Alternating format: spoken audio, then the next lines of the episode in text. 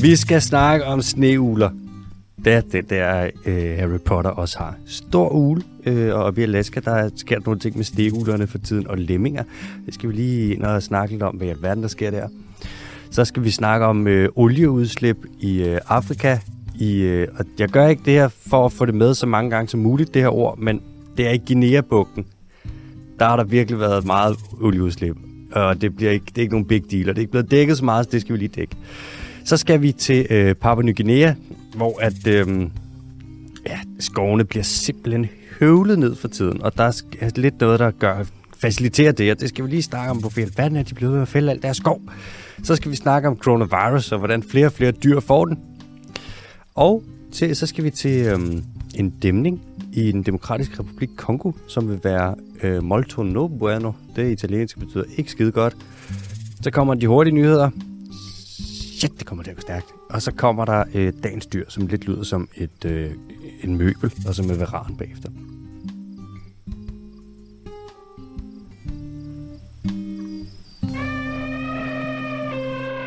Velkommen til den dyrske times podcast. Jeg hedder Alexander Holm, jeg er biolog, jeg har en kandidat i biologi. Sidder sammen med øh, MBK, Mathias Bondokim. Jeg er ikke biolog, og jeg aner ikke en skid om verden. Mm-hmm. Han er ydmyg, og han er medie- og tilrettelægger, og han er en lille teknisk maestro. Uh. Det er øh, sidste afsnit, øh, der kommer ud det her inden øh, den 24 hvor at det jo er juleaften. Så øhm, allerede nu her i starten af afsnittet, der vil vi gerne herfra sige, øhm, du må fandme hygge dig her i de tunge juledage. Håber, at sneen falder tæt, og at der er mange gaver, og at træet det er stort og flot, mand, og godt pyntet, og at julemaden den sidder right in the closet. And there's a lot of confect. Og der skal være konfekt. Du skal spise så meget konfekt, og der skal være så meget kirsebærsovs på din risalamang, at du slet ikke kan se den. Uh! Wing. Og det skal være den gode. Det var bare lige det, der lige skulle komme her fra en lille julehilsen, inden vi dykker ind i alle øh, nyhederne. Ja, fordi der, men der kommer måske også en reel julehilsen. Det ved man ikke. Der kan man jo lige kigge under juletræet den 24. og se, om der er noget fra den dyriske team. Nu kan, altså, nu kan, du kan ikke se det derude, men du sidder vi begge to med hænderne op, som om vi ved det ikke. Jeg ved det Som om det er ude af vores hænder. Om det skulle det være os, der lavede podcast, eller hvad? uh, og så øh, var der en anden ting. Hmm. Den med almanakken, ja. den, har vi, den har vi snakket om i lang tid. Og vi har fundet ud af, vi synes, det er bedre i en nytårsspecial, mm. men en kinesisk nytårsspecial. Vi kombinerer simpelthen det kinesiske nytår med almanakken. Ja. Det bliver New Year's and Almanacs. Så der kommer en Måske en julespecial. Der må man jo lige kigge. Der må mm. man lige rafle og Aha. se, om det, med, den er landet på en 6, og man lige kan vælge sig en julespecial. Og det kan være, der er på noget, der hedder SoMe, som, som står for Social Medias, at der kommer en lille ting ud med, hvis den kommer, så man måske kan gå ind på sociale medier og blive opdateret, og så putte ind der er på, ikke nogen, der ved det. på lyd-device-apps, øh, og så lytte med sine ører til, hvis den kommer ud. Ja, så almanakken vil sige, at jeg glæder jer til den. Glæder jeg til den 1. februar, kinesisk nytår. Der kom det. Du sagde det. Der kom en dato på. Slutbrud. Hak i kalender. Første nyhed. Sådan. Sneugler. Snowy owls. Det er sådan med øh, sneugler, at... Øh, og sneugler, det er den, som Harry Potter har. Hedwig, det er en sneugle. Hedvig. Hedvig, ja. En stor ule. Hvis der er en ule, der kommer op på faktisk et par kilo. Og den kan godt, altså hvis den får fat i dig, det kan godt gøre rigtig ondt. Skarpe klør. Det er sådan med sneugler, at de fleste steder, hvor de findes, så er de svære at finde det er ikke nogen, der lever super tæt sammen, og hvis man skal ud og lede efter dem, så skal man virkelig være... Øh, du skal have nogle skarpe øjne, du skal... Øh, ornitolog kigger den med. Min bror har engang sagt, min storebror Kristoffer har engang sagt, at han så en snivle øh, på øh, Villingrødvej oppe i Dronning Mølle oppe i Nordsjælland. Det tror jeg kraftede mig ikke på, mand. det tror jeg ikke på, det har nok været en måge. Ej, der var han så forkert på den. Han var også meget fuld som barn. Han var, ja. Vi starter jo, vi starter oppe i Nordsjælland, starter vi, når vi er 11. Yep. Værsgo, mand. Så, så er der, der ikke skolemælk mere. Så er der scooter, gasolin og masser af bajer. Op, og det er kun duksen, Vibro. Duksen skal op og hente skolemælken, kommer bare tilbage altid med lunkende bajer. så er der en kasse. Uh, lækkert. Altså, nogle af de steder, hvor at øh, ulerne, sneulerne i forvejen findes, der er de blevet ekstra svære at findes. Så det er svært, svært. Nu snakker jeg her specifikt fra det nordlige Alaska. Der har man nemlig noget, der hedder The Owl Research Institute.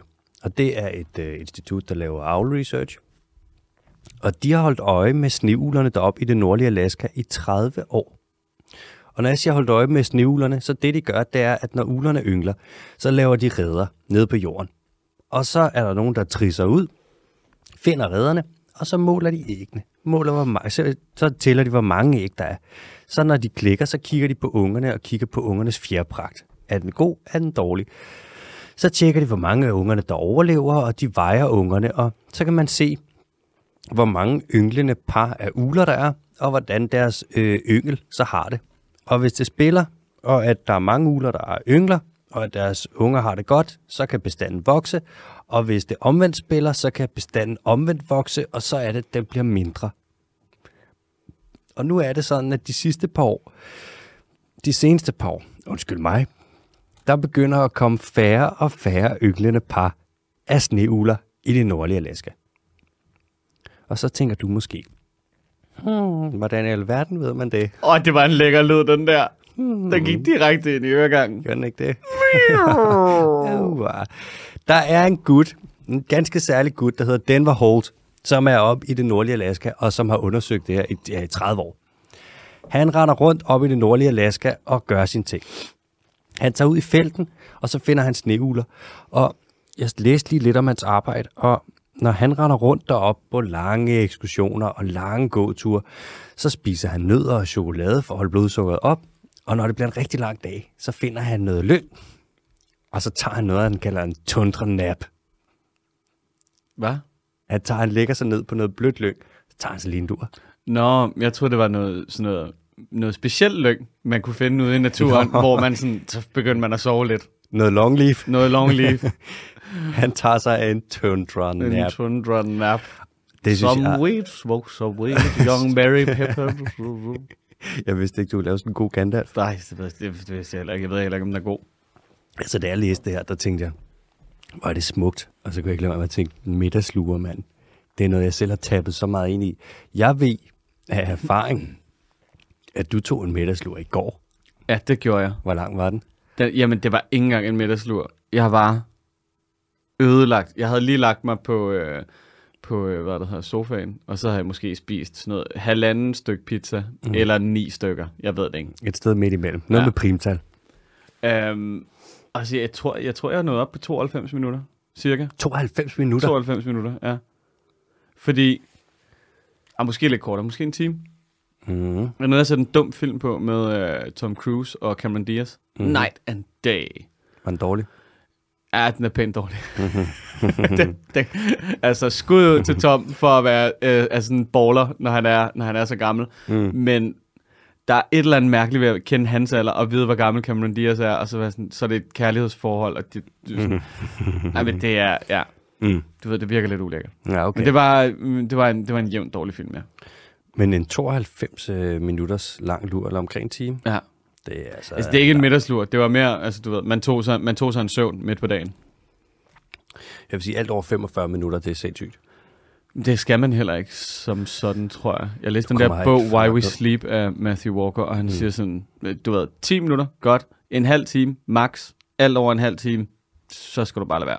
Ja, det er ligesom at blive trukket op af en brønd, når du sover så lang tid. Jamen, jeg, jeg skulle ud og spise med, med vores kære gubbefar. Mm-hmm, gubbe. Hvorfor har vi egentlig ikke... Øh, vi, jeg tror, det var, fordi det var Gubbe, mm. vores gode ven Gubbe, der sendte øh, svaret ind på, hvad Guinea yep. betød. Var det ikke?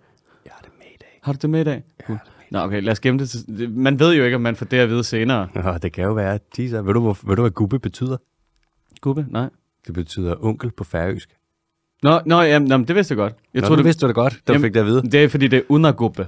Mm. Undergubbe. Gubbe. Det jo derfor, jeg kalder ham Gubbe. Nå, det vidste jeg slet ikke. Ja. Shout out til Udi. Ja. Nå, altså, oh, middagslure. Åh, sindssygt, det tog en detur, ja, det der. Ja, det gjorde det. jeg elsker det, mand. Jeg elsker også middagslure. Jeg praktiserer det. Jeg så til middag næsten hver dag. Alt mellem 5 minutter og 22 minutter. Men lad os komme tilbage til Bubo Scandiacus. Hvis du snakker latin, så bestemmer du. Oppe i Alaska her, hvor de her uler, de yngler, der lever de primært af lemminger, altså de her små knæver. Og nu er det sådan, at der kommer færre og færre lemminger op i det nordlige Alaska. Der er stadig nok til, at ulerne de kan overleve, men der er ikke helt nok til, at de kan yngle. Fordi at når man skal når man har unger, uleunger, så skal de jo fodres, og de kan godt spise meget, og så skal man både fodre sig selv og ungerne.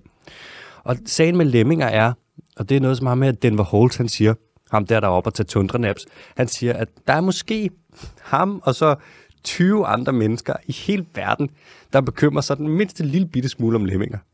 Mm. Altså alle er fuldstændig ligeglade, hvis de overhovedet ved noget om dem. Øhm, og det gør så, at man nogle gange lidt kan glemme at øh, holde øje med dem og se, hvordan det går med dem.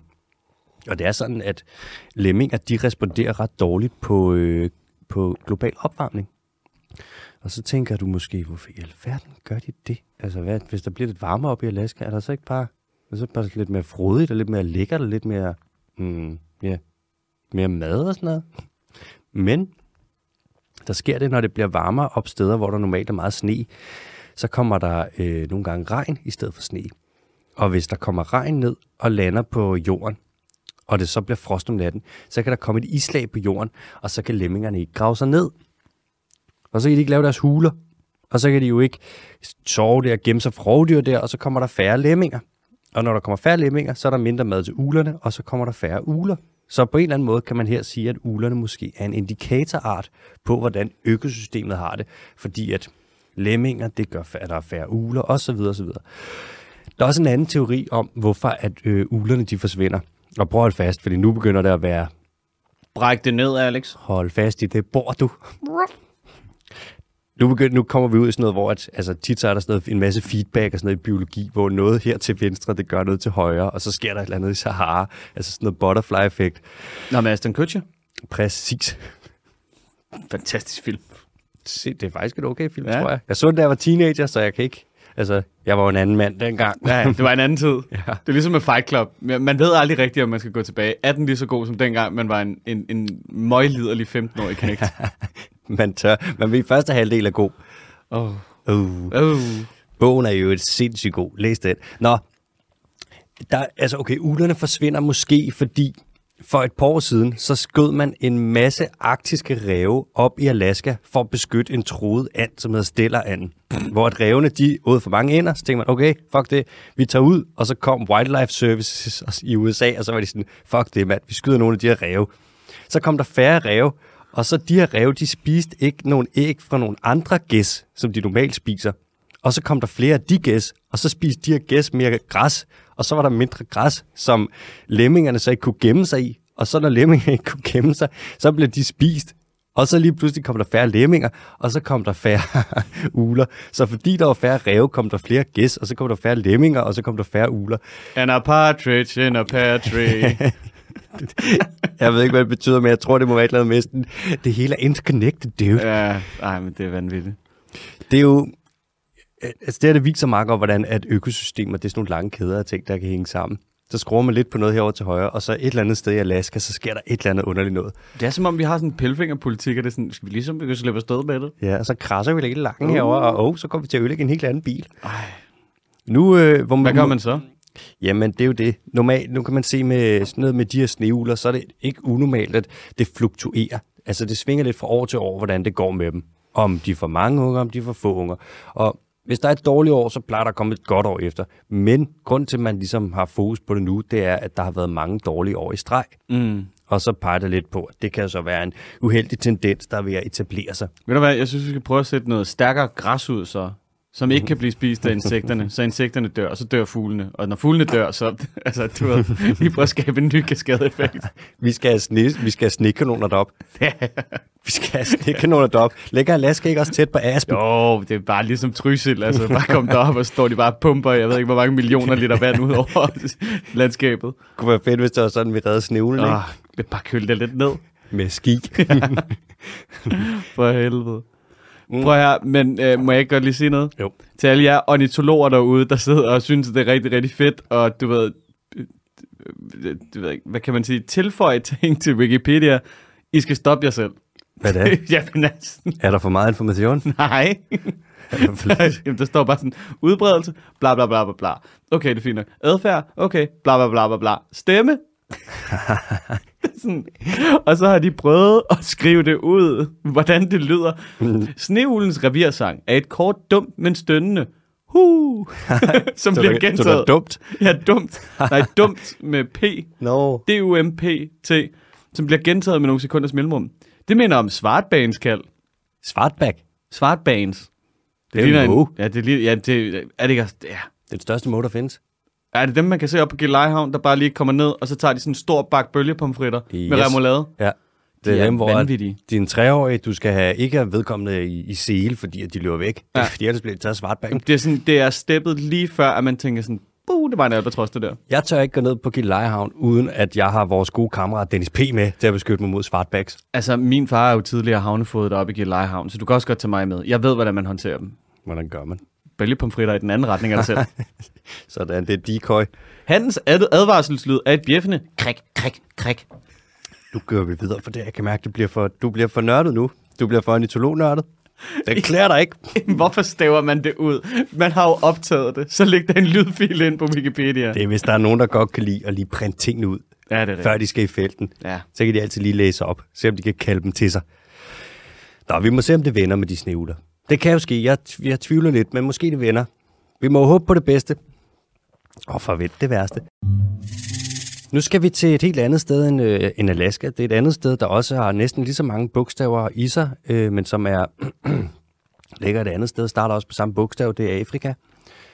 Det er nemlig sådan, at øh, nede, hvis der er olieudslip i havet, fra en øh, olietanker eller fra en boreplatform, hvis der er olieudslip i for eksempel USA, så tager det altså overskrifter verden over. Der var i, jeg tror det var 2010, så var der en, en boreplatform over i den meksikanske golf, som hed Deepwater Horizon, som øh, eksploderede. Og så kom der kæmpe stort olieudslip over i den meksikanske golf. Der er Mark Wahlberg i hovedrollen. Yes, de har lavet en film om det. Ja. Og jeg lover dig til to. Altså, alle aviserne verden over, de skrev fandme nærmest ikke om andet i flere måneder. Og der var bare billeder af pelikaner svøbt ind i olie, og altså det hele lignede bare et stort brunt helvede. ja. Øhm, og det er sådan, det sker, hvis der kommer olieudslip over ved USA. Det vil sikkert være lidt det samme, hvis der kommer et stort olieudslip over i, lad os sige, lige i Nordsøen. Men hvad så, hvis der er olieudslip ud fra Afrikas vestkyst? Så er sagen lidt en anden. Nu er der nemlig nogen, der har kigget på nogle satellitbilleder. Nu har de så valgt at fokusere på dem mellem 2002 og 2012. Og de kan se på de her satellitbilleder, at øhm, der er spildt langt mere olie ud i Guinea-bugten. Prøv at forestille dig Afrika, og så er der til venstre på Afrika, der laver den ligesom den der store tog ud, og så er der sådan en hak ind, og så går den ned. Den, ind i det hak der, der hedder Guinea-bugten, ja, der er bare pisset olie ud. Er så meget olie, der er pisset. Der er pisset så meget olie ud, at man kan se olieudslippene fra rummet på satellitfotos. Der er et af de største olieudslip, der er pisset ud der mellem 2002 og 2012. Det er fyldt mere end 1000 kvadratkilometer. Man kan, hvis man kigger på, så kommer det her olie ud, slipper ud fra boreplatformer fra øh, olietanker, og så skyller det bare ind på kysten. Og nogle lande, i, øh, der ligger der i, i Guinea-bugten, for eksempel Nigeria, de er fuldstændig sjasket til i olie. Altså Nigeria har fået, vi snakker endeløse millioner af litre, der bare er pisset ind på deres strande. Og så siger man, hvorfor, altså, hvorfor går det her under radaren? Hvorfor skal, bliver det ikke rapporteret ind? Hvorfor er der ikke mere fokus på det? Øh, og det er fordi, at det er olieselskaberne selv, der skal ra- indrapportere, når der er et udslip. Ej, hvor belejligt. Hmm. Og nu er der så nogle olieselskaber, det er så primært Exxon og Shell, som ja, de har glemt at rapportere det ind. Uh. De har glemt det. De har, er det fordi, den ligger i udbakken, mailen? Altså, han har lige glemt at sende den. Den ligger i udbakken. Men det, altså, det er svært at trykke send. Der er dårlig wifi. Åh, oh, ved du, hvad det også kan skyldes? Er der nogen, der kan, er der nogen, der kan dele wifi? Nu der er der wifi, ja. Er der nogen, der kan mobile hotspots? Vi har jo et udslip på 22 millioner liter. Er der nogen, der har wifi? Nej, routeren er gået i stykker. Vi mangler bare lige at finde ud af, ligesom vi fandt ud af på et tidspunkt, det der med, det sådan, at man lige har snydt med en faktor på 30 eller sådan noget. så er det sådan, det er 22 millioner gange 30. Det Det er jo bare nuller. er jo bare nuller. Ved du, hvad det også kan skyldes? Nej. Printerproblemer. Jeg tror måske, de har haft printerproblemer. Åh, oh, de gode gamle printerproblemer. Hvor Det var det, jo- det var hen? Det var i... Det var i den demokratiske republik Kongo. Ja, ja, det er rigtigt. Det skete jo, altså alle kan jo komme til at printe problemer og, tjene 3 milliarder kroner. Ja, men det er fedt. Det kan jo, hvis du lige kan Det er den mest, altså, det, det, det, er en, det er en så hissig dårlig undskyldning, at det næsten er gloværdigt. Ja. det fortjener næsten et skulderklap. Jamen, det gør en lille smule. Altså, Points for effort. points for effort. Det er sådan, at hvis olieselskaber rapporterer ind de her udslip, så får de noget skæld ud. PR, altså det bliver dækket af verdensmedierne, og det er ikke så populært. Og så skal de selv betale for at rydde op. Øh, og det gør de ikke. I stedet så lader de bare alle de her fattige lande stå tilbage med alle problemerne. Hvordan, hvordan rydder man det op? Altså, fordi nogle gange har jeg set, at man kører de der bælter langs vandet, mm. ligesom for at indfange det. Men blander det sig ikke med andet end det absolut øverste lag, eller hvad? Jeg ved det faktisk ikke. Nej, okay. Jeg ved det faktisk ikke. Øh, det, der må jeg være der svar skyldig, det aner jeg ikke. Jeg kan forestille mig, hvis det skyller op på strandene, at du må have en eller anden form for et eller andet, der bare kan tage hele det der olielag, der er pisset op, og så hejse det ind. Ja. Men vi snakker jo, altså dude, vi snakker så meget olie. Vi snakker mange, mange, mange millioner liter. Ja, ja. Altså, prøv at overveje, hvis du har så meget olie, at det fylder 1000 kvadratkilometer. Det er med meget olie. Det, det, det, det bliver næsten helt fransk for dig, kan jeg se det. Og du sidder med den, den italienske hånd. Kan du se, at vennerne om? Ja, ja. Det skulle have været det. magnifik, men det Ja, ja. er non-magnifik. Det er non-magnifik. Non-ifik. Det er... Jeg, jeg finder ud af det. Find ud af det. Jeg finder ud af det. Undersøg det. Det er gener- altså generelt så er det sådan med olieselskaber, at det ikke er de mest, øh, og nu skal jeg ikke svine dem til, men de har ikke historisk set været de mest altruistiske i verden.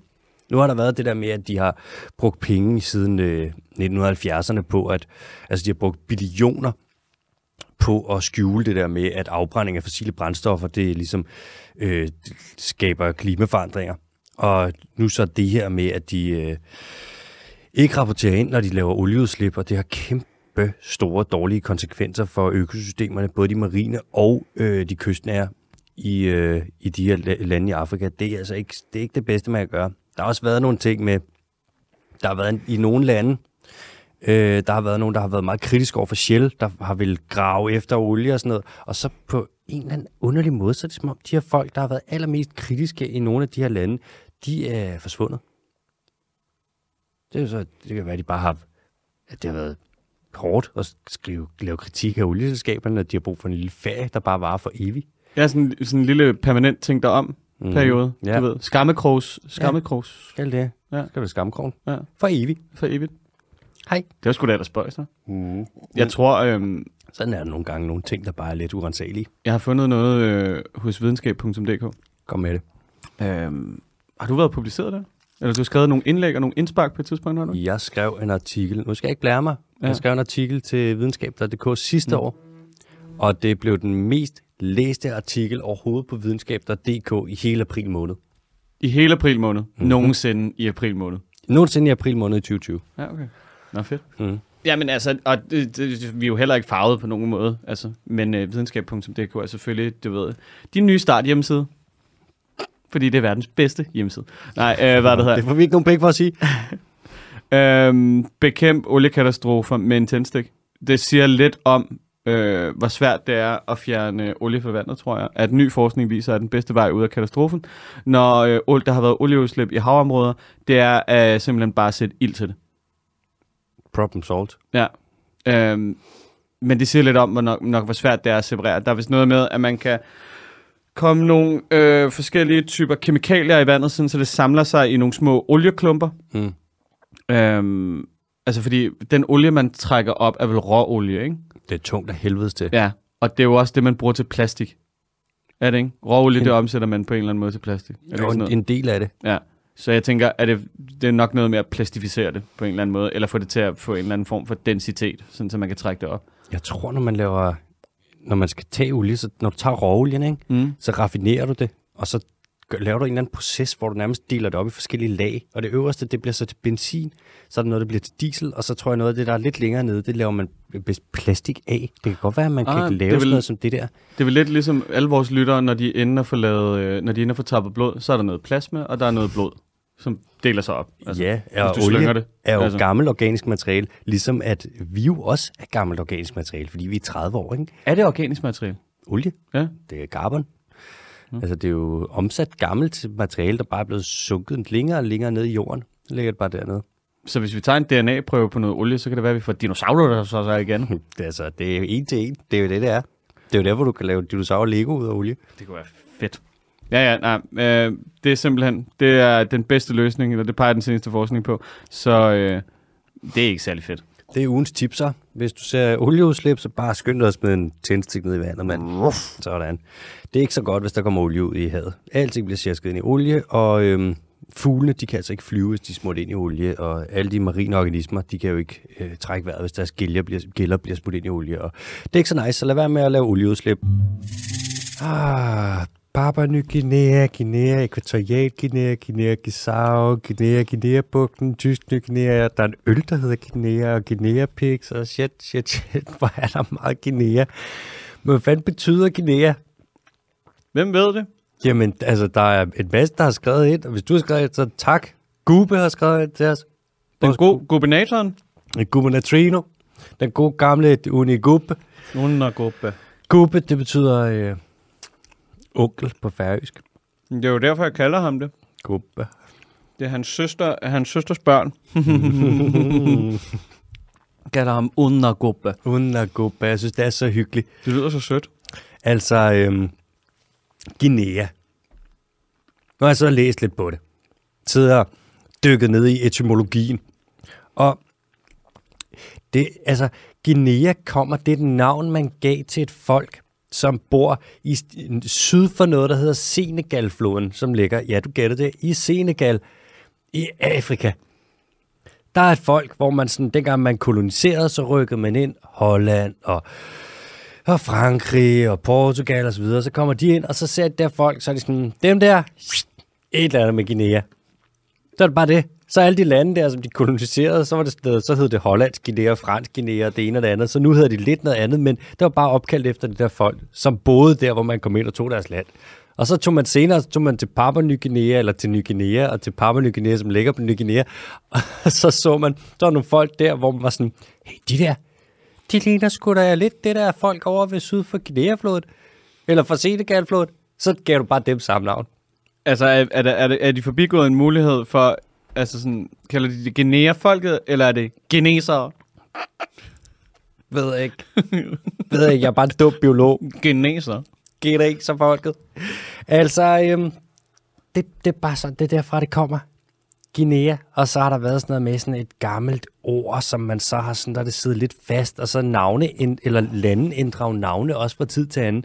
Men så nogle af landene har bare beholdt Guinea-delen i deres navn. Og en bugt. Og en bugt, ja, en Guinea-bugt, ja. Ja, ja. Og Guinea-pigs, som jeg stadig ikke ved, hvorfor. Og Guinea-øl, som også er sådan... Men er de måske derfra? Det kunne godt ligne sådan en, øh, hvad er det, de hedder, de der flodbæver, eller sådan noget? Øh, kapivara. Flodsvin, ja, kapivara. Mm. Øh, altså, der kunne et, et marsvin, det kunne godt ligne sådan lidt den fortæskede udgave af en kapivara. Det er sådan en ultra dværgkapivara. Ja. Marsvin er fra Sydamerika. Det vidste jeg godt. Jeg kan se i dine øjne, at du taler sandt. Men kaldte man ikke også nogle, nogle folk derovre for Guinea? Nej, der havde du Guyana. For eksempel fransk Guyana og Guyana. De der to lande, der ligger op mm. Så i der- det ja. nordøstlige øh, Sydamerika. Jesus Christ. I Mit hoved, øvrigt. mit Nogle hoved gør ondt nu. Jamen, det er sådan, det, når man blander. Vi sidder også og blander fandme øh, lingvistik og sprog, og jeg skal komme efter dig med biologi og geografi. Ja, og her kalder vi det et biodiversitetspodcast. Åh, oh, oh, Åh, åh. kategorien skal udvides. Nå, i, på Ny Guinea, i landet Ny Guinea, der fælder man rigtig, rigtig, rigtig meget skov for tiden. Øhm, man fælder for meget skov. Og man kan sige, kan man ikke kun fælde, kan man, kan, man fælder jo altid for meget skov, hvis det er ulovligt. Men er det her så, det her det er for meget for meget? Altså, Det er for meget for meget ulovlig skovhugst, man har så dernede. mindre mere. Mindre mere, men her der er det meget mere meget. Meget, meget, meget. Hvor det burde være mindre mindre, fordi det er ulovlig skovhugst. Ja, vi skal have mindre mere, men det er mere mere lige nu. Ja, Tak. Jeg tror, vi skal have et special med her lykke. ja det tror jeg også. Nu er der en guvernør fra Papua Ny Guinea, som står frem og siger, at verden bliver simpelthen nødt til at hjælpe med at få gjort noget ved den her illegale skovhugst. Det er jo sådan, at verden laver efterspørgsel på det her træ, og så er der jo et udbud, der ligesom skal komme fra øh, Papua Ny Guinea, hvor han kommer frem, guvernøren, og siger, I bliver simpelthen nødt til at stoppe med at importere alt det her træ, som bliver fældet illegalt her, fordi at øen kan ikke holde til det, altså skoven kan ikke holde til det. Der, det er sådan, at i, på Ny Guinea, der er der nogle store tømmerfirmaer, som ned, siden 1980'erne, så er de gået amok på den her ø med skov, skovfældningen. Og de er bundkorrupte. De har infiltreret systemer, de samarbejder med politikerne, og mange af dem betaler ikke skat. Og så er det jo ekstra penge til bestikkelse og korruption. Og så er der nogle politikere, som står der og sådan, betaler ikke skat, men de betaler mig, så det må jo være fint. Og det er noget lort, for nede på Ny Guinea, øh, som sikkert hedder Ny Guinea, fordi man kom til øen, efter man måske var kommet til, havde koloniseret Afrika, og så det, der var Guinea der, ville jo så være det nye Guinea, når det blev her. Skal vi ikke rådes for meget ud i. Der har man på Ny Guinea, der har man verdens tredje største regnskov. Og den største, det er så Amazonas, Sydamerika, så er der Kongo, som ligger over i Kongo, i Afrika. Og den tredje største, det er så hernede på Ny Guinea, og øen fylder en del af verdens terrestriske areal, altså landareal, men 7% af alle verdens øh, dyre, plante, svampe og så videre arter, de er der. Så der er ekstremt høj biodiversitet. Nede på i Papua Ny Guinea, som er det her land, der ligger på halvdelen af øen Ny Guinea, der har man noget, der hedder Sabelt, står for Special Agricultural Business Leases. Det er sådan noget, de lavede på et tidspunkt, regeringen dernede, for så sagde de, hvor så vil jeg gøre nu? Nu læner du dig lige tilbage. Så ved man, så er det historietid. Lige præcis. Du mangler bare lige en lille pave. En lille pave. En skipper, Så øh, for nogle år siden i Papua Ny Guinea, der var man sådan, ah, vi skal sgu have lidt spark i den økonomi her. Der skal til at ske noget. Hvad med, vi giver folk lov til lige at fælde lidt skov, og så kan de lave lidt, der hvor de har fældet skov, kan de lave lidt landbrug, og så kan vi tjene lidt penge på nogle af de afgrøder der. Hvor man sådan, jo, det laver vi sgu. Så lad os sige, at man kan få lov til det, så kan man få en SABL, en Special Agricultural Business Lease, og så kan man få lov til lige at gøre det. Og så begyndte de at uddelegere de her tilladelser til, at man kunne fælde skov for at dyrke landbrug. Men så er det så, at de her tømmerfirmaer, de udnytter det. De udnytter de her sabels. Det er løgn. Det gør de kraftede med, du. Det er en masse tømmerfirmaer. Faktisk primært så er det tømmerfirmaer fra Malaysia, hvor de har fældet alt skov nu. I hvert fald en, en, en for stor del af det, fordi det kan jo ikke være en for lille del, når det er for meget, for lidt, for lidt, et eller andet. Anyways, de her malaysiske tømmerfældsomhedsvirksom, fuck, tømmerfirmaer, som fælder skov, de fælder ind, og så øh, tager de de her sabels, og så siger de, ja, ja, 100, vi skal da nok lige øh, fælde skov og dyrke landbrug, men det gør de ikke. De fælder bare skov, sælger de tømmeren, og så hakker de videre. Så hakker de sig igennem alt det her skov. Og det er jo en, øh, et misbrug af de her leases. Man ved godt, at det er øh, ulovligt. Man ved godt, at det finder sted, det her. Man undersøgte lige i, tilbage i 2011, så lavede man en undersøgelse, hvor man undersøgte 73 af de her leases, hvor folk havde sagt, ja, vi falder lige noget skov og laver noget landbrug. Og fandt ud af, at to ud af tre af dem, de bliver brugt på ulovlig vis. Men de er stadig aktive. Man gør ikke noget for at stoppe de her tømmerfirmaer. Og det er nok fordi, at der er lidt sådan en ting med natur, at man kan tjene penge på den, hvis man øh, ødelægger den. Ja, og, og hvis, du er, hvis du er et tømmerfirma, ikke, så er du mm. heller ikke landbrug, landbrugsejer. Det er sgu egentlig rigtigt nok. Altså. Men mindre man så har plantageskov, ikke? Jo, jo. Så. Men har der, ikke, der har lige været en kæmpe sag med noget lignende med IKEA, ikke? Mm, en lille upser. En lille ups. En lille, en lille sibirisk ups. En sibirisk ups. Ja. Det er også et koldt sted at Det er bare et stort sted. Man kan jo ikke være sikker på, at alt det træ, man får, det er lovligt fældet. Nej, men altså, der må være nogle instanser, instanser ligesom vi tjekker efter. Mm. Men, okay, jeg tror, vi har, vi har snakket om det her før privat måske. Jeg ved ikke, om vi har nævnt det i podcasten. Men er det, er det muligt, at det bliver så kompliceret at tjekke efter, om ens træ er lovligt, sådan værdikædemæssigt, også i forhold til, at der ikke er lige så meget byråkrati, så det er lidt sværere at gå dokumenterne e- efter, bagefter, eller før, eller hvad fanden man siger. Før, mm. efter, under, fuck. øh, I forhold til, hvor lovligt det her træ er. Eller... Man kan sige, der er, der, med, der er jo nogle certificeringer, som er på træet. For eksempel FSC, det der Forest Stewardship Council, tror jeg det hedder, som hvor det ligesom, så bliver det sat på noget træ, og så skal det ligesom være et markat for, at det her træ, det er fint nok, og det er ikke øh, fældet på ulovlig vis. Mm. Men det bliver sådan lidt løsluppent nogle gange. Og nu, der har også været lidt kontroverser med, at de godt kan have nogle regler, der er sådan, der er nogle smuthuller. Man kan godt blande lidt træ ind i noget træ, der så er lovligt, og så kommer der lidt noget der, hvor det bliver ikke helt optimalt. Men hvis man er en stor virksomhed, som for eksempel IKEA, så kan man jo godt afsætte nogle penge til at sige, at der er nogen, der skal tjekke op på, at de steder, hvor at ens leverandør siger, at træet kommer fra, kommer det så rent faktisk derfra. Mm. Og man kan jo sagtens, nu er vi jo så langt fremme med satellitfotos og forskellige overvågningsteknologi, at det ikke er særlig, det er ikke en umulig opgave at tjekke op på, om, øh, om man får træ fra nogle steder, hvor, det, man godt må, hvor træerne godt kan blive fældet. Mm. Hvor man for eksempel har træplantager eller den slags, ikke? så man ikke fælder en takt regnskov. Det vil man godt kunne tjekke. Det er bare nemmere at lade være.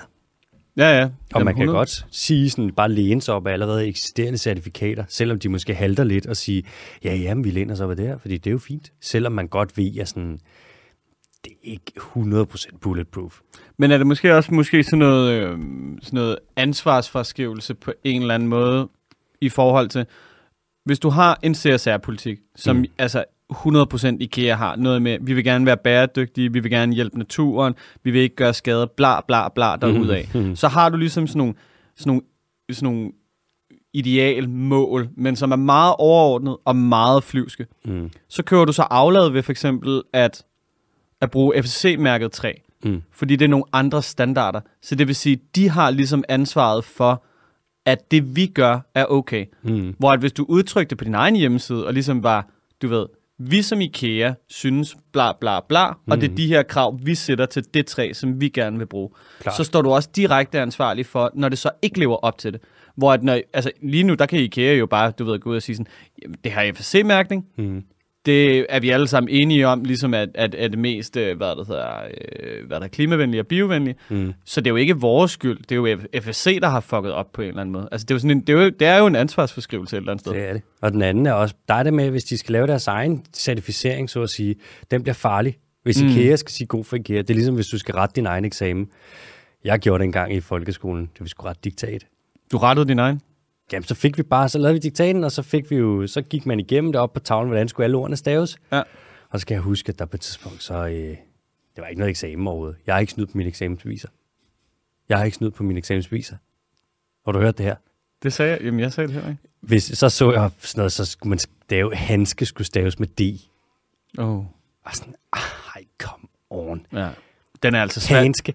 Den er, den er svær at tage, når man sidder der 16 år gammel jeg vil have 13 i diktat. Og det fik jeg også fem gange i streg, men jeg kan love dig for, der blev også bare... Det var godt, det ikke var med kuglepind, det var med blyant. Lad os sige det sådan. så det drev! men hvis man skal rette sin egen eksamen, så kan man jo godt være lidt tilbøjelig til en gang imellem og lige være sådan, give lidt meget slag. Det er mm. det samme, hvis man laver sit eget certifikat. Ja. Og man er sådan, er vores træ bæredygtigt? Det kan jeg kræfte med låter for det og mm. vi har selv tjekket det, så bliver det måske sådan noget ligesom Danish Crown, der kalder deres søjeansvarlige og deres, klima, deres svin klimakontrolleret. Men den sender de jo også bare lidt videre. Ja, yeah, det på en, på en måde, kan man sige. Øh... Altså, fordi det er jo sådan noget med, sådan, så bliver det sådan et kompliceret spil med at købe nogle kvoter, som måske findes, som måske ikke rigtig findes, og det er andre lande, og det er ikke i vores land. Ja. Men det gælder også, når det er andre lande, du ved, altså. De laver, det er lidt, så jeg ligesom også med det, Arla gør. Ja, ja. købe kvoter af skov og sådan noget, hvor at det bliver hurtigt sådan noget, det er bare greenwashing. Ja, ja. Hvis at IKEA for eksempel skal lave et certificeringssystem til deres eget træ, så skal de have nogen med, en eller anden tredje part, eller anden part, eller fjerde part, ved ikke. Men de skal i hvert fald have nogen med, som ligesom er legit, og som ikke har nogen øh, interesser i det, som bare kan være sådan, ja, hvor det, det er faktisk god nok, den her. Men det er lidt det, der er svært ved de der kæmpe store virksomheder, fordi Altså ideelt set, hvis de har en CSR-afdeling, så synes jeg fandme også, altså man skal kunne holde sig ansvarlig over for det. Altså, mm-hmm. det, du, du kan sagtens skrive, at du godt vil være nok så grøn, og du ved, det ene og det andet der ud af. Hvis virkeligheden er en anden, så burde vi kunne straffe dig for det. Lidt ligesom med de der greenwashing-lov, der er lige nu. Mm-hmm. Altså det er sådan, altså, jamen dit, dit svin må gerne være klimaneutralt og klimaansvarligt. Mm. Men hvis du lyver om det, så, er du, altså sådan, så må vi godt straffe dig. Altså, sådan er det jo bare med al løgn. Det er også lidt det, hvis man sådan sælger, specielt når det er sådan grønne sager, ikke? hvis det mm. for eksempel er klimaområdet, hvor man får produkter til at fremstå mere klimavenlige, end de er, ja. så man kan profitere på at lave klimaskade. Det er lidt det, hvor det bliver sådan... Ja. Der kan man sige, at konsekvenserne er lidt for store til, at man bare skulle lade folk slippe. I det mindste kunne man sige, sådan, hvis du betaler for at lave greenwashing, så skal du også betale for at rette op på det. Ja, det synes jeg kunne være ret fedt. Og, og jeg synes endda, du skulle... Altså, du, man kunne måske godt fordoble det beløb. Altså nemt, og selvfølgelig, altså, og hvis man har råd ellers til er det. Jo, ellers er det jo ikke en straf. Altså. Nej, så er det jo bare en reprimande. Ja, ja, det er jo ligesom, når man ser det der sådan, ah, jeg har lovet sindssygt meget, I får 10.000 kroner i bøde. Fuck de 10.000 kroner i bøde, mand. Ja, hvor meget Steff Holberg, Steff Holberg, de tør røv i 10.000 kroner. Ja. ah, okay, skal ikke nævne navn. Nej, undskyld, Steff. Undskyld, Steff. Nå, altså lige naturen har ikke noget dankort. Det er mig, der har coinet det. Det er mig, der coinet det. Vi skal have det på en t-shirt. Mm. Naturen har ikke noget dankort. Så i, Der kommer øh, noget merch. der kommer noget merch, og det bliver genbrug, og det bliver grønt af helvede der, vi greenwasher ikke noget. øhm, så altså, man kan sige, Papua Ny Guinea, skoven bliver fældet, fordi at man kan tjene flere penge nu på at øh, bare fælde skoven. Og så tjene nogle penge på at sælge tømmer, end man kan på at lave for eksempel økoturisme, eller øh, bevarelse af biodiversitet og redde verden og alle de der ting. Så bare ærgerligt. I øvrigt så de her tømmerfirmaer, øh, som kommer ind og fælder skoven, og ligesom laver alt det her øh, griseri, alt det her illegale skovhugst. Man kalder dem bioterrorister, eller carbon cowboys. Carbon Cowboys. Jeg synes, det er meget grinerende, det der med cowboys. Det er sådan lidt rowdy. Men det bliver da, sådan, det bliver da næsten lidt sejt. Du ved, man har da, man har da lyst til at være sådan carbon cowboy. Mm. Mm-hmm. det burde måske bare hedde carbon idiot. Yeehaw!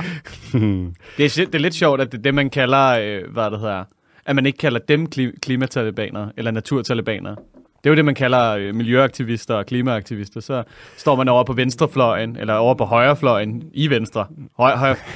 Åh, oh, shit, fuck. Øh, så står man derover og kalder, du ved, folk, der gerne vil passe på miljøet, naturtalibanere. Mm. Så er det sådan, men det giver ikke rigtigt, altså det er sådan lidt, Det er ikke det er en fejlslutning på en eller anden måde. Ja. det er rigtigt. Om de har taget... Ja, sådan kan man ikke bruge det. Nej, Vi skal til øh, noget andet. Vi skal til noget, som øh, du nok har hørt om, nok har hørt meget om, nok også har hørt mere om, end du egentlig gider høre om. Og så skal du til at høre om det nu på en måde, som du måske ikke har hørt om det før. Det er nemlig covid-19. Yay! Det er en virus, Boo. der pt. laver lidt ballade. Hey. Den kan gøre os syge. Den kan gøre os mennesker rigtig syge. Den kan endda slå os mennesker ihjel. Men den kan også ramme dyr. Nu har man fundet øh, coronavirus hos både flodheste og hyæner og løver og sneleoparder og mink. Hvis du er mink kan få corona, det vidste jeg godt nok ikke. Jesus Christ. Gorillaer, pumaer, hvidhalige, hjorte, og man har fundet det hos rigtig, rigtig, rigtig mange forskellige dyr. Og grunden til, at dyr også kan blive ramt af den her virus, det er, at corona, den bruger nogle mekanismer, når den skal ind i forskellige dyrs celler, hvor den har det der lille spike-protein, den der røde, de der røde dutter, der sidder på den, og dem bruger den til ligesom at lirke sig ind i celler via nogle øh, proteiner, der sidder i vores celler, som hedder ACE2. Og de her proteiner, dem har dyr også. Og de ser ikke så forskellige ud hos andre øh, så pattedyr, end de gør hos os. Altså hvis man kigger på det, nu har jeg undersøgt det en lille smule, ikke gået super meget i dybden med en, en, en molekylær biologisk analyse, men har lige fundet frem til, at hvis man kigger på de her forskellige pattedyr, som er ramt af corona, så er deres øh, ACE2-protein typisk ikke mere end omkring 20% identisk med vores. Eller mindre end. Det er cirka 80% identisk med vores. Et eller andet med nogle høje tal. Og det er identisk nok vores til, at øh, viruspartiklerne simpelthen kan komme og tænke, der skulle da et flodhestehjerte der. Hmm, jeg har et spike-protein. Det kunne da godt være... Måske jeg lige skulle se, om jeg kunne komme over til det her angiotensin converting enzyme 2 transmembran protein, der sidder der i det der flodhestehjerte, der ser, om jeg lige kunne spike-protein lirke mig ind og lige inficere det her store, fedladende dyr. Og det gør de så, og nu er der så mange dyr, der så er ramt af corona. Nogle dyr bliver ikke så hårdt ramt. For eksempel flodheste, de bliver bare lidt forkølet. Der er også mange andre dyr, hvor det er det samme. De bliver sådan en lille smule under the weather. Men nogle dyr bliver ret hårdt ramt. Mink for eksempel kan, øh, kan dø af det. Snilleoparder kan dø af det. Der er nogle snilleoparder, der døde i en øh, zoologisk have. Ej. Jo, desværre. Og der var faktisk også en enkelt hund, som øh, fik corona. Han hed Buddy. Ej, buddy. Buddy. Buddy. og Buddy døde af corona, men der er også et lille men i det her. Øh, Buddy havde også kraft. Så, Slimkraft. lymfekræft. Kraft. Okay, det, det er den hissige af dem. Ja, så Buddy døde, men det er jo det, som han døde jo, altså, det kan være, at han var nok lidt svækket i forvejen, og så coronaen, det kan godt være, at det lige var det, der fik ham til at vælte. Er det så fair at kalde det et, en Rona Death? Ja, jeg vil sige, det her, det er en, øh, en Rona hjulpet død. Ja. Det var nok lige det der, den sidste dråbe, der skulle til, for at øh, Buddy, han ligesom smed sit lille hundehåndklæde i hunderingen. Ja. Nå, buddy. Rip. Shout, ja, rip buddy.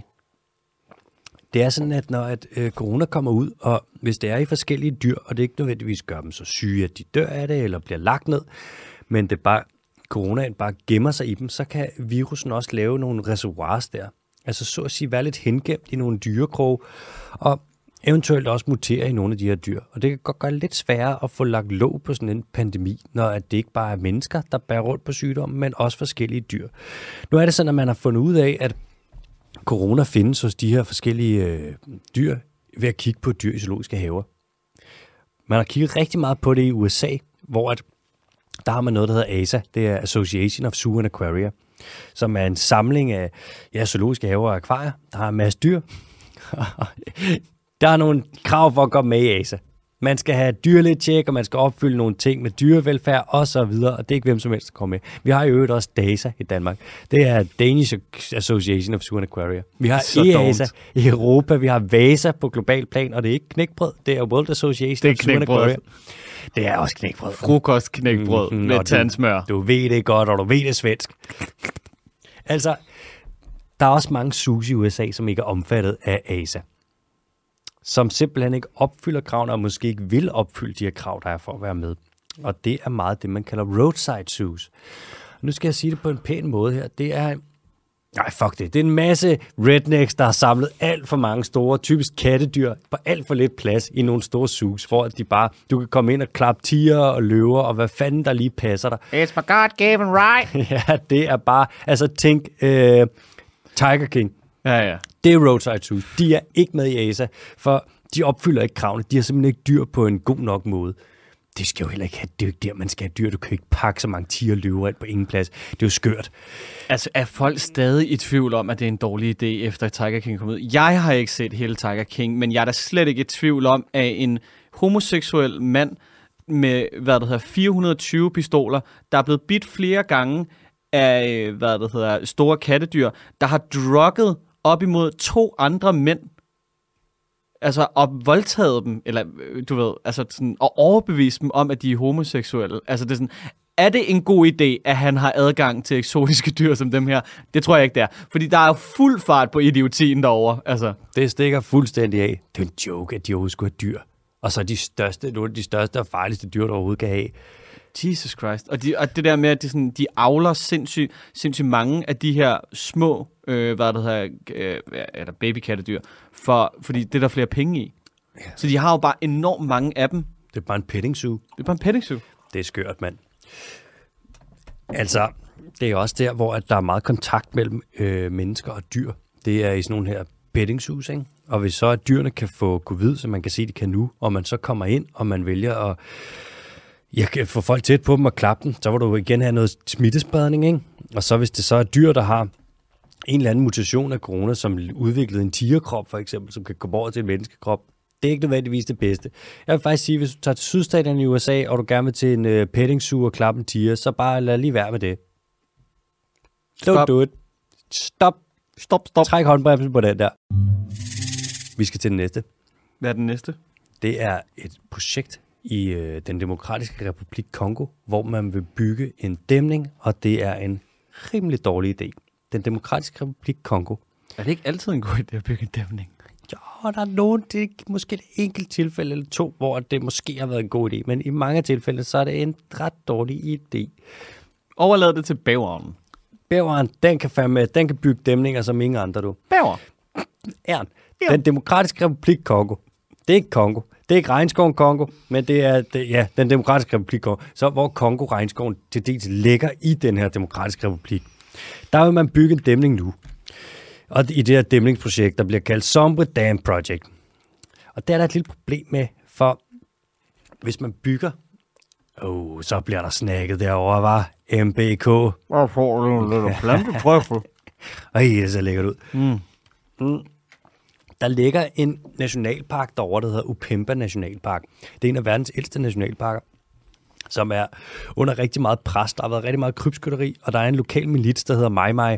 Meget egoistiske sager, som har været over og været i konflikt med nogle rangers derovre. Rangersne passer på dyrene, og Mai Mai Militiaen har så øh, har haft nogle konfrontationer med den her med rangersne, og så er der ført til nogle dødsfald, og det går ikke så godt i den her Upempe Nationalpark. Og nu vil man lave den her dæmning, hvor man blokerer en flod, og så vil det føre til, at vandstanden selvfølgelig stiger på den ene side af dæmningen, ligesom i Ringnes R2. Og Release the river! så vil man oversvømme en del af den her allerede pressede nationalpark. Altså, ikke optimalt. I øvrigt vil man lave dæmningen for at lave strøm til kover og kobaltminer, som heller ikke lige frem er det mest miljøvenlige, man har i det her område. Det er generelt ikke... Øh, det er ikke lige frem en solstrålehistorie. Det er sådan en kaskadeeffekt af lort, det der, var. Ja, det er sådan lidt en uheldig uheldig. En ups. Det er en rigtig stor upser. Og mange af dem, der står bag det her dæmningsprojekt, de er så bundkorrupte, at du tror, det er løgn. De har et CV, hvor man sådan, pff, når du kigger på det, du har lyst til at vaske din skærm bagefter. Er der kinesiske penge involveret? Der er en kinesisk bank, der blandt andet står bag ved. Det er fucking løgn. Det er fucking løgn. Ja, men der er en kinesisk, kineserne har, eller Kina har en bank, som, oh, et eller andet National Bank of China eller sådan noget. En kæmpe bank, som funder rigtig mange af de her dæmningsprojekter. Det er også dem, der funder nu i det, man vil lave i Indonesien nede i et øh, uh, orangutarområde, og den der dæmning, de vil bygge over i Laos også, der står de også, funder de også. Den her vil de også fund. Altså, de er... Det er som om, de, ikke har, de har ikke så meget til overs for den her bank, hvis man vil, hvis det går ud over miljøet. Jeg ser ikke folk, jeg ser ikke folk der arbejder i bankverdenen, du ved, som individer er onde. Men per definition, hvis det eneste, du laver, altså sådan som bank, det er at tjene penge på penge. Ja. Du, det er ikke fedt. Lige den her, den er lidt... Ja, der vil jeg sige, de banker, der står bagved og vil fonde, de kunne måske godt skrue en lille smule op for øh, miljøhensynet. For det er ikke helt godt for den her... Det er der ikke nogen penge i, og specielt ikke i det erhverv. Og det er der en meget god grund til. Det er fordi, at de forvalter penge for at få flere penge ud af dem. Så det i, i, i sin essens mm. handler det om grådighed. Det altså, institutionen handler om grådighed. Mere vil have mere. Mm.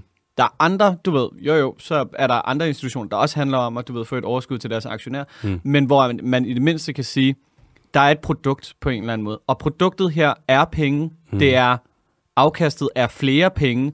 Målet er flere penge. Mm. Midlet er penge. Ja. Alting er penge i bankverdenen. Altså. Klart. Og så har du naturen, hvor det er sådan, hvis du skal tjene penge på naturen, så er der kun én ting, du, så er der én ting, du absolut ikke skal gøre. Du skal ikke lade den være. Du skal ikke lade være. Hvis bare naturen, sådan, naturen der, hvor du rører den ikke, så det tjener ikke så mange penge på. Sådan, du, får lov, du overlever på det. Jamen, jeg bliver jo ikke rig. Ja, Jamen, ja, jeg overlever også. Det er børnebørn, ikke? Det kommer til at gå ud over. Ja, det er ikke engang løgn. Der er en, en gruppe banker, der står bag det her, altså som gerne vil fonde det her projekt. Og ja, helt ærligt, der kan man sige, lidt som du siger, det er ikke lige frem, fordi at det er miljøhensyn, der driver deres lyst til at fonde det. Nej. Det her falder også lidt sammen med det her, den her, det her dæmningsprojekt, det falder lidt sammen med COP26, hvor at øh, verdens ledere, de står, og så siger de jo sådan noget, bla bla bla bla bla bla bla bla bla, jeg vil gøre alt det her, det her, det her.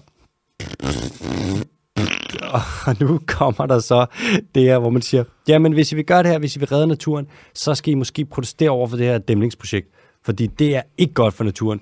Og så ser vi indtil videre, at de faktisk, så vidt jeg ved, alle sammen er forholdsvis rigtig meget pisse ligeglade. Ja. Så der er måske en lille opsang. Jeg ved, at der er mange af verdens ledere, der sidder og lytter med nu. Jeg vil gerne lov til at sige en ting, og nu siger jeg det på engelsk. Please, dear world leader listening to this. Mr. Biden, Mr. Xi Jinping, Mr. Putin, please direct your attention towards the Samba Dam project in the Democratic Republic of Congo. That is not Congo, the country, or Congo, the rainforest, but the Democratic Republic Congo that is situated close to those things. They are building a dam right now, and it's not good for the Umpemba National Park. Endangered animals and shit. You said at COP26, this big conference about the climate where they're not greenwashing at all, you said that you'd do something good for the environment and the, and the climates. And I have here me and Matthias Bondukim, my co-host, who sat here. It's short for Matthias Bondukim. We would like for, very much for you to please på favores, for mig. take a little bit care of the Opema National Park and say no to this dam project. På favor. Maybe gather a little bit of currency and pay some of the local population to have jobs so they don't have to work at mines that have to be fueled with the electricity from this here dam project. I'd like to describe this dam project with one word. Damn. Godt, vi kører videre til de hurtige. Kan du huske COP-konferencen, hvor de havde sådan velociraptor med alle mulige øh, ja. forskellige stemmer? Tror du, det kommer til at rykke ved noget, at de lige har fået en kæmpe opsang af Sean Connery, og en kæmpe opfordring? yes! Because I got a Scottish accent. Ja, Sean Connery. Helt sikkert. Godt. Så har vi også gjort dagens politiske arbejde. Så er det fikset. Så er den MBK. Nu skal vi til det hurtige. Jeg, jeg, jeg har det næsten som om, at jeg har prøvet det her før. En drøm måske. Det er næsten lidt det, det. Og jeg ved, at du ikke vil kunne holde vejret igennem alle dagens hurtige. Det skal være fucking løgn. Jamen, så kom der. Du tæller bare ned. 3, 2, før jeg tæller til 1, så tager jeg lige Stig Severinsen. Stig Severinsen, 1. I Brasilien, der har man bygget en grøn korridor over en motorvej, med, som skal forbinde to gyldne løveabepopulationer, fordi at de har det rigtig stramt, fordi at der først så fældede man hele den atlantiske regnskov, som de boede i, og så fangede man en masse af dem til kæledyrindustrien. Det var ikke så nice, og nu i 2018 fik de gul feber, som det nok var mennesker, der kom til at smitte dem med, og det, kom til at, det dræbte rigtig mange af dem.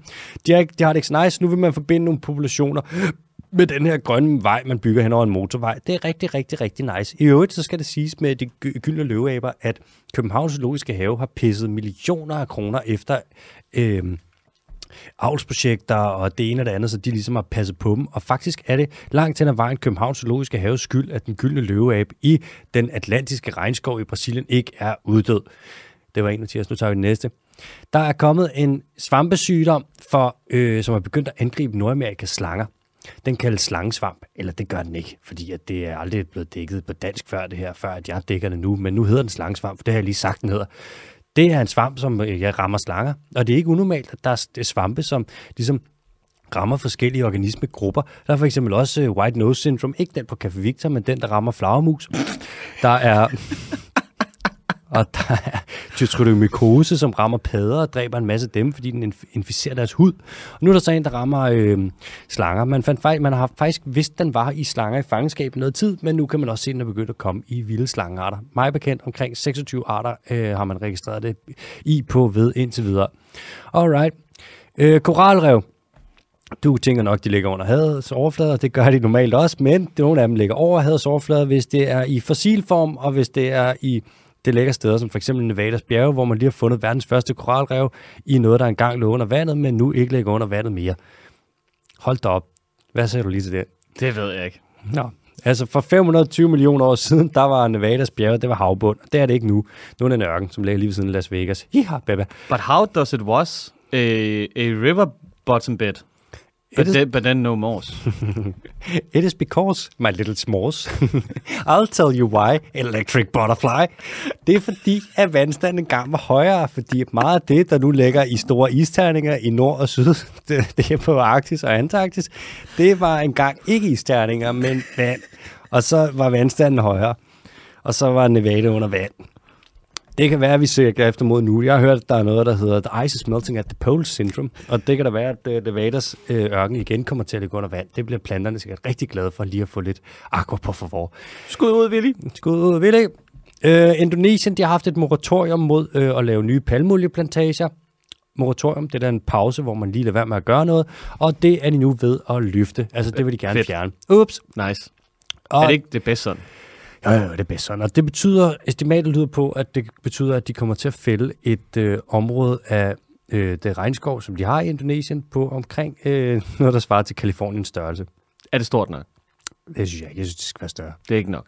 Vi kan jo ikke tjene penge på regnskov, hvis ikke der er palmolie i den regnskov, så vi kan tjene penge på at sælge. Præcis. Og økoturisme, pff, dude, det er ikke fordi, det er gået godt for Costa Rica, som er blevet det mest økonomisk velstillede land per capita i hele Latinamerika, efter de har sat på det. Det er godt, at du begynder at komme over til den sorte Join the dark side, mm. where we cut down the forest. Åh, oh, shit, jeg er ved at blive til en sitlort. mm. Nå, vi skal til en anden. Øh, EU's fiskeministre, de har lige haft et møde i Bruxelles, som ligger nede i Belgien. Hvor er, det, de, er det prinsen? Det er Rasmus Prehn var med, og Rasmus Prehn, der kommer jo et skulderklap til ham lige om lidt. Han har jo landbrugspolitisk og sådan noget, der er vi ikke helt enige med ham, men han har faktisk gjort en fed ting her, men det kommer lige om lidt. EU's fiskeminister mødtes nede i Bruxelles, Belgiens hovedstad. Der ligger jo en bar dernede, der hedder Delirium, hvor de har 3.000 forskellige øl. Jeg har ikke været der, men jeg har hørt fra nogen, der har været der, og der kan det da være rigtig svært at vælge, hvad for en øl man skal fordi der er så mange forskellige. Nå, de er blevet enige, EU's fiskeministre, til det her fiskemøde, de har haft i Bruxelles, om, at ålen ikke skal fredes, og at torsken skal overfiskes. Altså, man skal fiske mere, end de videnskabelige kvoter anbefaler i Nordsøen. Fedt. Altså, man kan sige, nu kom det ud, ICES, som ligesom er de voksne inden for sådan noget her, de sagde, at hvis ikke vi stopper med at fiske ålen i, til næste år, så uddør den, og så siger EU's fiskeministre, hvad? Og Nordsøen og torsken, man kan sige, tager i betragtning af, hvor mange lande, der ligesom har industri, der er centreret omkring torsken, og torskefiskeri, så er det lidt dumt at overfiske den, fordi at, øhm, ja, det er jo lidt det, man gør, hvis man gerne vil have, den skal kollapse. Men man kan sige, at fiskeministerne, de har nok nogle eksperter, de lytter til. Ikke forskerne, for det er ikke det, forskerne siger. Øh, så eksperterne må være nogle andre, der har noget data, som ikke er forskningsdata, men det kan stadig være valid data. Det kan være det baseret på mavefornemmelser. Det skal man jo heller ikke kimse af. Kims, kims. En lille synsning. Mm-hmm. Ja, tak. Jeg synes, vi skal fiske den mere. Mm-hmm. Dog så har der været noget med, der er nogle øhm, danske både, der tråler jomfruhummer, og de får rigtig meget ulovlig bifangst af torsk. De, Lankersten. Det gør de nemlig. De får, hvad, hvad sagde du? Lankersten. Lankersten, dog. De får linkesten. Lankesten. Det tror jeg, det man kalder jomfruhummer på, no, på engelsk. Det er sgu da rigtigt, ja. ja. Langostiner. The Virgin Lobster. Mm, kæmpe regn. Det er det jo nærmest. Ja, ja. Det er en kæmpe regn. Nu får de, øh, når de tråler de her jomfruhummer, så får de en masse torsk med, og de får mere torsk med, end de må, fordi der jo er en kvote på torsk. Og så det torsk, de får med, som de så ikke må fange som bifangst, det smider de bare ud igen. Så en stor del af de danske torsk, de bliver faktisk øh, hedet op, og så dør de jo, når de bliver fisket op, og så smider man dem bare tilbage i havet. Så det er ulovlig bifangst, og det er en stor del af det danske torsk, der bare bliver altså spildt, og torsken er i forvejen presset, ikke? Så vil man have kamera op på øh, de her trålerbåde for ligesom at holde øje med fangsten. Og der er fiskerne sådan, nej, vi vil ikke have kamera op, fordi det er stressende at blive overvåget. Og jeg tænker sådan, så må I opføre jer ordentligt. Måske det var mindre stressende, hvis I ikke var kriminelle. Ja. Anyways, Rasmus Prehn, han er faktisk øh, på Torskens side i det her, og han har virkelig gået ind i sagen, og han bliver på Facebook, der skal jeg da love for, at der er nogle fiskere, der prøver at flå ham et nyt røvhul. Men han er sgu på, øh, ja, Torskens side. Det er ret fedt. Det skal er han have klap for. Er det sådan nogle ekokammerfiskere, hvor det er sådan noget... Skav og sæl, du. Skav og sæl? Skav og sæl. Skav og sæl. Skav og sæl. Ja. Det var for, ja, man kan ja. sige, det der også er problematisk, ikke, det er jo, det sådan, i mange århundreder, der har man jo prøvet at gennemskue, hvorfor at skaven og sælen er så dygtige til at trække kæmpe store, altså enorme fisk, mm. og i kæmpe mængder op ad, op ad havet. Ja. Og der er man jo så kommet frem til det, fordi sælen simpelthen, du ved, bundtråler og tråler. Jamen, det gør sælen. Sælen står for en stor del af det danske bundsmål. Ja, og det er jo derfor, vi har trålen i dag. Mm. Ja.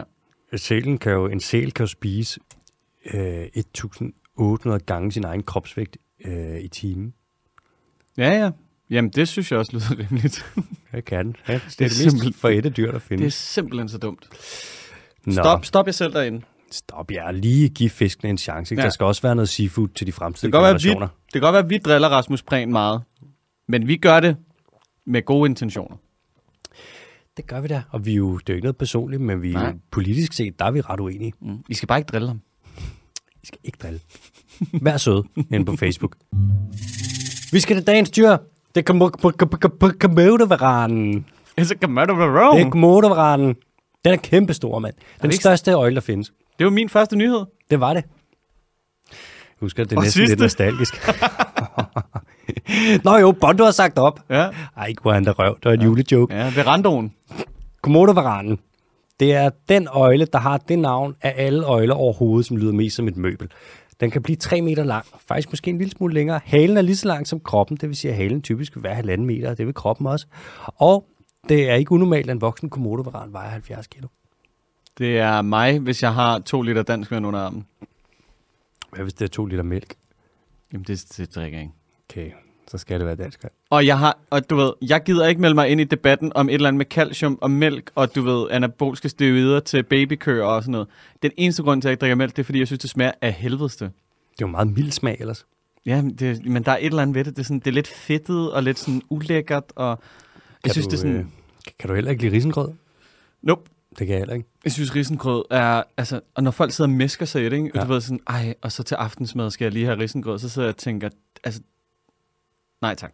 Jeg har det på samme måde. Jeg kan det, jeg synes, det er, jeg kan det slet ikke. Jeg synes overhovedet ikke, det er lækkert. Nej. Og jeg synes, hvis man spiser sig midt i risengrød, det er sådan en rigtig, det er ikke en rar mæthed. Nej, overhovedet ikke. Som om du bare har spist ris kogt i mælk. Ja, hvilket det er. Præcis. Jeg kan, godt, jeg kan godt snige mig op til en god risalamang, men det er jo kun, hvis den sådan er 90% mandler. Jeg vil sige, risalamangen, den kan jeg godt lide, fordi at den er så fransk. Ja, risalamang. Elsker, Ja, elsker fransk. dijon -sinep. Jeg har lyst til at smøre det i øjnene, så lækkert det Dijon setup. Dijon. Ved Di- du, at Dijon? hvis du gør det Dijon, det er hovedstaden i Bourgogne, Ja, nej, hvor tror du så, at Banæs det er hovedstaden henne? det ved jeg ikke. Fordi det ikke er hovedstaden. Nogle steder det er en sovs. Hvorfor har du sådan en drillepind i dag? det er fordi, det er jul. Det ved du godt. Snart det bliver, så snart den slår, klokken slår du- december, Blev du sådan en rigtig drillenis? så bliver jeg rigtig drillet svin, du. Jeg troede, jeg havde en fransk joke. Nej, det havde jeg ikke. Vi- Jeg remoulader bare værd med at prøve at komme i tanke om det. Ellers så må du bare komme til mig, hvis du kommer på den. oh. Så må du bare komme on, din lille bær. Nej, nej, nej, nej, nej, nej, nej. Nå, okay. Ja. Altså, øh, kommodovaren, kommodovaren, den øh, har noget øh, antikoagulerende øh, protein i nogle giftkirtler, som den har i undermunden. Som betyder? Det er sådan, så du, øh, dit blod ikke størkner, Ah, så den kan, øh, den kan bide dyr. Det vil så typisk være nogle hjorte, der er på de øer, den lever på nede i Indonesien. Mm. Komodoøen blandt andet. ja. Og så kan de rende rundt og forbløde lidt, og så jo mere de forbløder, jo ja, mindre blod får de, og så bliver de sådan lidt anemiske, altså blodfattige. Og så øh, til sidst bliver de svækket, og så kan den bare komme over og hapsmisser. Mm. Du skal ikke komme op og slås med sådan en komodovaran. Jeg vil ellers gerne. Bare for at se, hvem der vandt. Jeg tror, at du kan tage den, men ikke hvis der er to. Nej. Ej, det jeg kan sgu heller ikke tage en normal ko- kommode. Så skal det være en lille bitte baby. Men det er jo slå ned af. Men helt seriøst, ikke? det er sådan, hvilket dyr tror du sådan, i, en, i en reel slåskamp, en mod en, ikke? Altså sådan, ja. Der er jo forskellige typer dyr. Hvilken et vil du kunne tage? Jeg vil jo våge at påstå, at de fleste katte, de vil dræbe mig. Det tror jeg også. Altså fordi de er bidske, og de er små, og de er hurtige. Mm. Og de er adrette as fuck. Ja. Og, og Og- de tænker ikke. De er bare ren instinkt. Ja. Killerinstinkt. Og du ved, til og med en fransk bulldog, du mm. Ved, lige- hvad, hvad end der ligger på den anden side af en fransk bulldog, der tænker jeg sådan, den kunne jeg sgu heller ikke tage en slåskamp. Jeg tror, at jeg møder min match, der hvor jeg går her til ikke længere. Det er kalkun. Kalkunen. Hvad med et får? Altså et, et, et, ikke en vædder, men et, bare et får. Ej, jeg tror sgu ikke, jeg vil kunne tage den. Det er også bare, fordi jeg vil løbe tør for gid. Jamen, det, jeg tror også på et eller andet tidspunkt, der vil jeg tænke sådan, det er nemmere bare at flygte. Ja. Altså, Men det vil jeg søgt gøre, bare der var tale om en, altså en and. Start, det var noget, jeg ikke bare kunne træde på. det er, jo, det er jo en lidt spøjs diskussion faktisk, fordi normalt er det sådan der, vil du hellere slås mod 100 øh, heste på størrelse med en and, eller en and på størrelse med en hest? Du ved. Men her der er det bare et reelt dyr, du bliver sat over for. Hvad er det dyr, du allermindst vil slås mod? Åh, det, skal være, det, det skulle være nogle af de der, øh, det skulle være nogle af de der øh, grævlingeagtige typer, vi har snakket om. Sådan jævn Honninggrævling. og honninggrævling. Det er også, fordi og, den vil tage dig, den vil, være, den vil blive ved, og det vil tage lang tid, og til sidst vil bare give op og lade nede dig. ja. Det, jeg allerhelst vil, mindst vil slås mod, nu hvor du spørger, det er Tak. øh, sådan en dybhavsblæksprut. Ikke fordi, at den er stor og nøjeren, men fordi hvis jeg skulle slås mod den, så skulle det være der, hvor den var, og det er nede på dybhavet. Og så snart man putter mig derned, så vil trykket, det vil bare knuse min lille spinkle krop, så jeg vil tabe med det samme. Men så vil det da gå hurtigt. Jamen, det er bare ikke rart at blive knust. Nej, det er selvfølgelig rigtigt. Eller en... Hvad for, en, hvad for en, hvor, hvor stor en fisk i dens naturlige habitat, tror du, du kunne tage? Sild. En sild? Kan du prøve at slå under vand? Jamen, har du prøvet at holde fast i en sild? Ja, du ikke det? Den forsvinder der bare. Nemmere end nål. Ja, det er rigtigt. Åh, god gamle øvel. Hvad, er der mere, er der mere på komodovaranen? Det er jo sådan noget med, er det ikke, altså fordi, er, har den bakteriekirtler og tænder? Fordi jeg troede, altså jeg synes bare, jeg har hørt sådan nogle rygter om, at det er bare fordi, det sådan, den har sådan lidt en beskidt mund. Du ved, ligesom en, en, en given mand, der ikke kan finde ud af at børste tænder. Den har, den har helt sikkert, det, det der med, hvis den bider noget, så kan der komme, blive overført nogle bakterier. Det Mm. kan gøre, at der kommer infektion i bidet, og det er selvfølgelig ikke så godt. Men der er også det der med, så diskuterer man, om den er giftig eller ej. Så har den nogle, meget bekendt sidder giftkirtlerne i undermunden. Det gør mm. De typisk hos øjler, ligesom gildeøjlen, eller vorteøjlen, hvor slanger sidder i overmunden. Ikke? det behøver du ikke fortælle mig. Du ved det. Jeg ved det. Men hvis man så kigger på de der giftkirtler, så hvorfor kan man så ikke bare være sådan, jo, den er giftig, eller den er ikke giftig? Og det er, fordi gift er lidt mere kompliceret, end man egentlig normalt går og gør det til. Jeg ved for eksempel, at nogle slanger, de har gifte, hvor det er, så kan det være 70 forskellige neurotoxiner, der er kombineret. Og så, i stedet for at man bare går ind og siger sådan, okay, det er den her ene neurotoxin, som ligesom er den giftige, og det er den, vi skal øh, give modgift imod, for eksempel. Så vil man skulle sige, jamen, så skal man lave en cocktail, der ligesom modsvarer det der, så man ligesom skal møde 70 forskellige giftstoffer på samme tid. Ikke? Ja, fordi jeg, jeg troede egentlig, det var sådan med, med, med slanger, at, at det sådan, der er én gift, mm. og det er den her gift. Men hvad er det så? Så det er lidt mere ligesom, du ved, hvis man har et barn, der er blevet lidt for ivrig, når man er i biografen, mm. så, har, så har den ligesom rendt rundt, du ved, og taget en af hver sodavand ned mm. i sodavandskoppen. ja. Og så skal du så gå ind og separere. Øh, det forstår jeg. Ja. Det er præcis sådan. Det er bare meget sådan at lave modgift til slangegift, for eksempel. Eller ja. tage en gift og være sådan et eller andet, der kommer ud fra noget sekret på nogle tænder på et dyr, og være sådan, det her, det er bare giftigt, det der. Det er bare lidt sådan, det er bare meget kompliceret. Det er ikke bare et stof eller et eller andet. Det er en masse, en kombination af en masse forskellige ting, ikke? Mm. som angriber fra forskellige vinkler. Det er også derfor, når man for eksempel skal lave, øh, jeg ved ikke, om man også laver det på andre måder nu, men traditionelt set, når man har skulle lave modgift til slangegift, hvordan man så gør? Øhm, du, altså, det er noget med en, et, et stykke gummi hen over en kop, mm. og så er det, du ved, tænderne ned i gummiet, mm. og så, nej, så det lyder tapper, ulækkert. Så, så tapper man giften, ikke? Og så tapper man giften, ja. Så har man haft nogle steder, hvor du har, øhm, traditionelt set, så har man givet en lille smule slangegift til heste. Så er der steder, hvor du har haft, hvad ved jeg, 50 heste eller et eller andet. Så giver du alle sammen en lille smule slangegift. Ikke nok til, at de bliver syge, eller at der sker noget, men nok til, at de ligesom begynder at udvikle antistoffer imod slangegiften.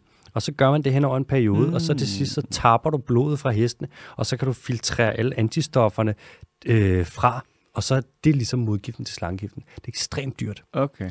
Det er så, det, så det er ligesom, når barnet har blandet alle de her typer sodavand, uh. så, så filtrerer du bare det, du skal bruge fra, eller? Det er præcis det der. Ja. Det er præcis sådan der. Okay. Det er også ja, ja. der, hvor sådan, så slange... Det er derfor, jeg kan lide at gå i biografen. Fordi du er bange for slanger. Nej, jeg elsker at gå i biografen. det er meget, det er sygt dyrt, dyrt at lave. Ja, jeg skulle lige til at sige. Og mange af de steder, hvor der er en masse giftige slanger og skorpioner, for det tager skyld, det er ikke fordi, at det er de mest velhavende lande, og det er ikke fordi, at der er vildt mange hospitaler. Og hvis man så skal have noget modgift ind, som er pisse hammerne dyrt, så det kommer ikke til at ske. Og det er derfor, der er så mange folk, der også dør af slange, slangebid. Så også fordi, at slanger, mange slanger er ret farlige at blive, farlige at blive bidt af, ikke? Jo. Det går enormt stærkt sådan noget, ikke? Det gør nemlig. Med slangegift. Det gør nemlig. Poison. Har du mere for i dag? Hmm. Nej. Det har jeg faktisk ikke. Nå, okay. Så er det vel bare top af her. Sige glædelig jul derude. Ja. Håber, I får en pisse fed og hyggelig øh, juleaften. Den 23. Familiehygge, mm. juletræ og risalamang, og jeg skal komme efter dig. Men ikke risengrød. Rigtig meget glok. mm, glok, glok, glok, glok, glok. Okay, dejlig jul derude. Adiós.